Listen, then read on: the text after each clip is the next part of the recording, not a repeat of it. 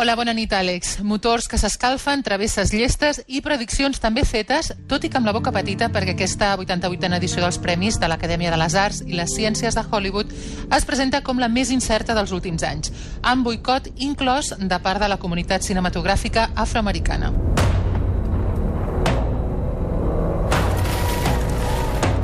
The Revenant, El Renacido, arriba aquest diumenge com la cinta més nominada, 12 candidatures. És d'aquelles pel·lícules dissenyades per guanyar grans paisatges i heroi solitari que s'enfronta amb èxit a les proves més dures.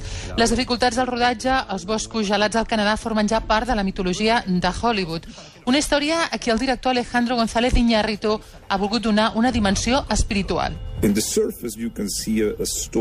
primer que es veu és una història de supervivència, de resistència, de venjança. Però per mi el que era important esbrinar és si pot sorgir alguna dimensió espiritual d'una experiència física tan extrema.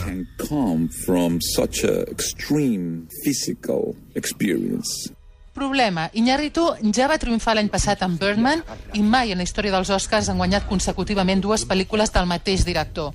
Què prediuen aquí els crítics? Doncs que guanyarà el Renacido. Però qui hauria de guanyar? Segons la majoria, Spotlight.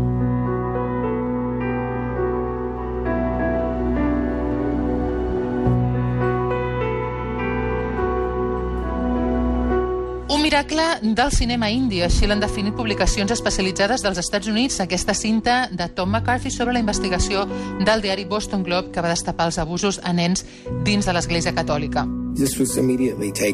Em vaig quedar atrapat per l'esquer de la història. Aquest editor ha acabat d'arribar al Boston Globe que el primer dia li diu al seu equip que vol perseguir l'Església Catòlica. Vaig pensar que era un inici emocionant i que valia la pena aprofundir i investigar junt amb el meu co-guionista. I així és com la història es va començar a mostrar. Spotlight es va endur el premi al millor guió original als Writers Guild of America i la crítica l'ha enaltit fins a convertir-la en la nova Tots els homes del president. Exagerats? Doncs el que està clar és que les eleccions d'aquest any de l'Acadèmia prometen crear polèmica.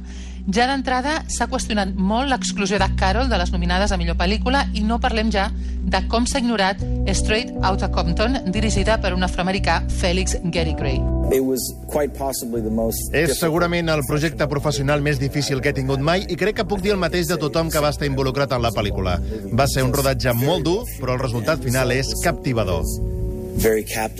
El triomf de Leo DiCaprio és l'únic que sembla clar en aquests Oscars. Seria la seva primera estatueta després de cinc nominacions. En canvi, també hi ha molt debat sobre qui es mereix l'Oscar a millor director. L'elecció d'Iñárritu seria repetitiva. Alternatives. Els crítics aposten, entre altres, per George Miller, l'artífex de la saga Mad Max.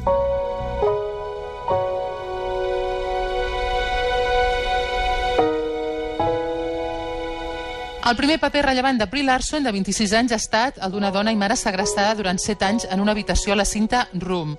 Es van dur el Globus d'Or. És favorita l'estatueta a millor actriu. Però qui hauria de guanyar, segons la crítica alternativa? Doncs Saoirse Ronan per Brooklyn. Estava molt caficada amb la idea de triar adequadament el meu primer projecte irlandès. Va aparèixer aquest i em vaig sentir que em cridava. És bona part del que jo sóc, la immigració i la relació entre Irlanda i els Estats Units. Jo sóc el resultat d'això. Kate Blanchett era una competidora formidable, però va guanyar fa poc amb Blue Jasmine i això en principi la descarta, però en tot cas està força clar que els respectables membres de l'acadèmia, la gran majoria homes blancs i més grans de 60 anys, se senten incòmodes davant una història d'amor lèsbic com Carol.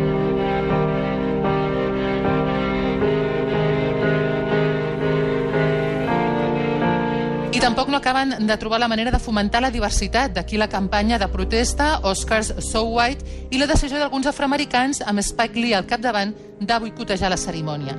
N'hi ha d'altres, com el director de Creed, Ryan Coogler, se saltaran la gala de Hollywood i aniran a recollir fons a la població de Flint, Michigan, afectada per una crisi d'aigua contaminada que ha perjudicat milers de famílies. Una alternativa al luxe i al glamour. Adeu, Àlex i companyia. Fins la pròxima.